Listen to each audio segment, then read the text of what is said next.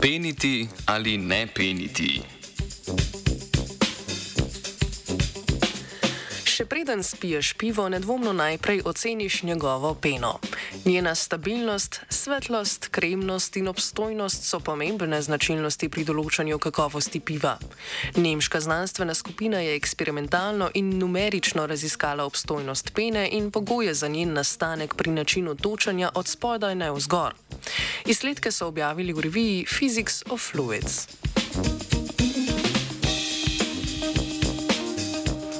Na količino nastanka pene vplivata predvsem vsebnost oglikovega dioksida in temperatura piva, ki jo lahko pivovarna nastavi na zahtevano vrednost. Medtem pa je obstojnost pene odvisna od kemične sestave piva, denimo deleža proteinov in kovinskih ionov.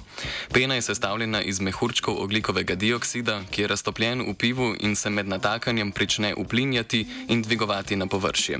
Kljub temu tudi pri pivu, prenasičenim z oglikovim dioksidom, mehurček ne nastane spontano, ampak potrebuje neko motnjo, da ni modelec nečistoče, košček vlakna ali prasko na notranji strani kozarca.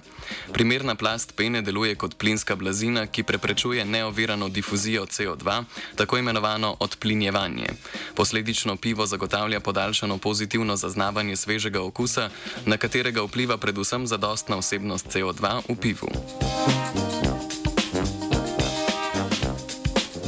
Pri izvedbi eksperimenta so znanstveniki in znanstvenice preizkušali nov sistem za točenje piva z dna kozarca.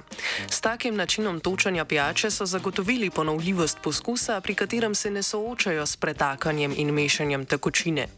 Pri tej metodi šoba z dna kozarca potisne gibljiv magnet in tako ustvari začasno režo, skozi katero dotaka tekočino. Ko se kozarec napolni, se magnet vrne na svoje mesto in pivo je pripravljeno za pitje. Vsako točenje so posneli s kamerami, kar jim je omogočilo izdelavo 3D posnetkov natakanja. Tako so numerično in eksperimentalno preučevali vzorce pene piva, višino piva in deleže pene proti tekočini. Poleg tega so opazovali vpliv tlaka in temperature na razmerje pivo-pena, višino pene in njeno stabilnost. V rezultatih raziskave nastanka in kolapsa pen so opazili več zanimivih karakteristik. Pena se, da nimo, tvori le v začetnih trenutkih točenja. Študija je še pokazala, da se med nalivanjem pena hitro tvori, vendar potem razpade kar 25 krat počasneje, kot nastane.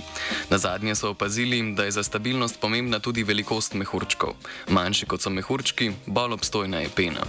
Z nadaljnimi raziskavami bi bilo potrebno preučiti vpliv oblike šobe, tlaka in temperature vstopne tekočine in vpliv vrste piva na nastanek in stabilnost pene.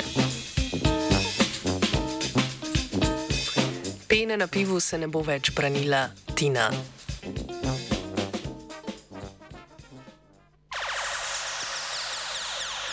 Radio študent.